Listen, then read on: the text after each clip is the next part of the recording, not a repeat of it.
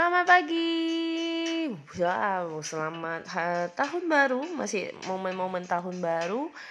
Hari ini teman-teman tidak terasa kita sudah memasuki di tahun 2022 ya. Terasa pasti aura-aura semangat, aura-aura tahun barunya.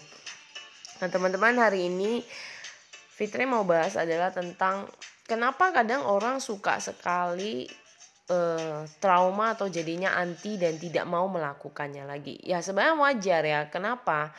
Kadang kayak kita mau latih diri kita ya untuk bicara di depan orang gitu. Karena kita sering udah kayak diketawain, kita merasa kayak ditolak, kita merasa kayak nggak pede, akhirnya kita nggak berani. Dan setiap apa pun kesempatan yang dikasih, kayak kita jadi was-was takut, punya ketraumaan gitu. Nah teman-teman sebenarnya dulu saya juga sama ya. Punya rasa takut kayak mau maju aja mikir.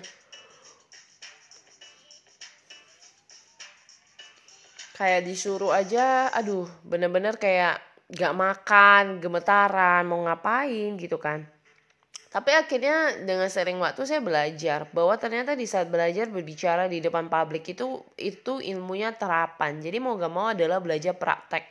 Dan harus berani ya untuk ini sih menge mengesampingkan hal-hal negatif yang kita pikir sebenarnya itu nggak separah yang terjadinya nanti. Jadi kayak contohnya gini aduh nanti gimana ya kalau si audiensnya nggak uh, nggak dengerin saya atau si audiensnya nggak nyaman dengan saya?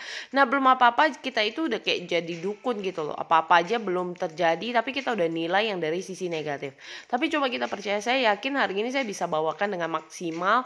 Pasti ada audiens yang bisa mendengarkan dengan baik dan mereka tertarik dengan apa yang sampaikan nah dengan begitu uh, ini ya power atau positif vibe-nya itu naik gitu loh. Jadi energi positif kita naik gitu. Karena kita merasa kita yakin dengan apa yang kita lakukan dengan kapasitas tersebut. Jadi buat teman-teman bahwa kadang kita harus berani mengesampingkan atau menghilangkan rasa-rasa trauma, rasa-rasa pengalaman tidak mengenakan untuk bisa memulai hal yang baru. Jadi di dalam tahun baru ini juga sama teman-teman, bahwa akan ada mungkin masa-masa yang pernah terjadi di masa-masa tahun sebelumnya, tapi itu bukan menjadi sebuah ketakutan justru menjadi pembelajaran oh saya pernah melakukan ini sih ini pernah terjadi dalam kehidupan saya bahwa saya tidak boleh mengulanginya lagi dan saya udah tahu harus melakukan seperti apa. Jadi just enjoy the process dan just do the part of your life gitu loh. Bukan melihat apa yang orang nilai tapi apa yang anda dan saya mampu untuk lakukan.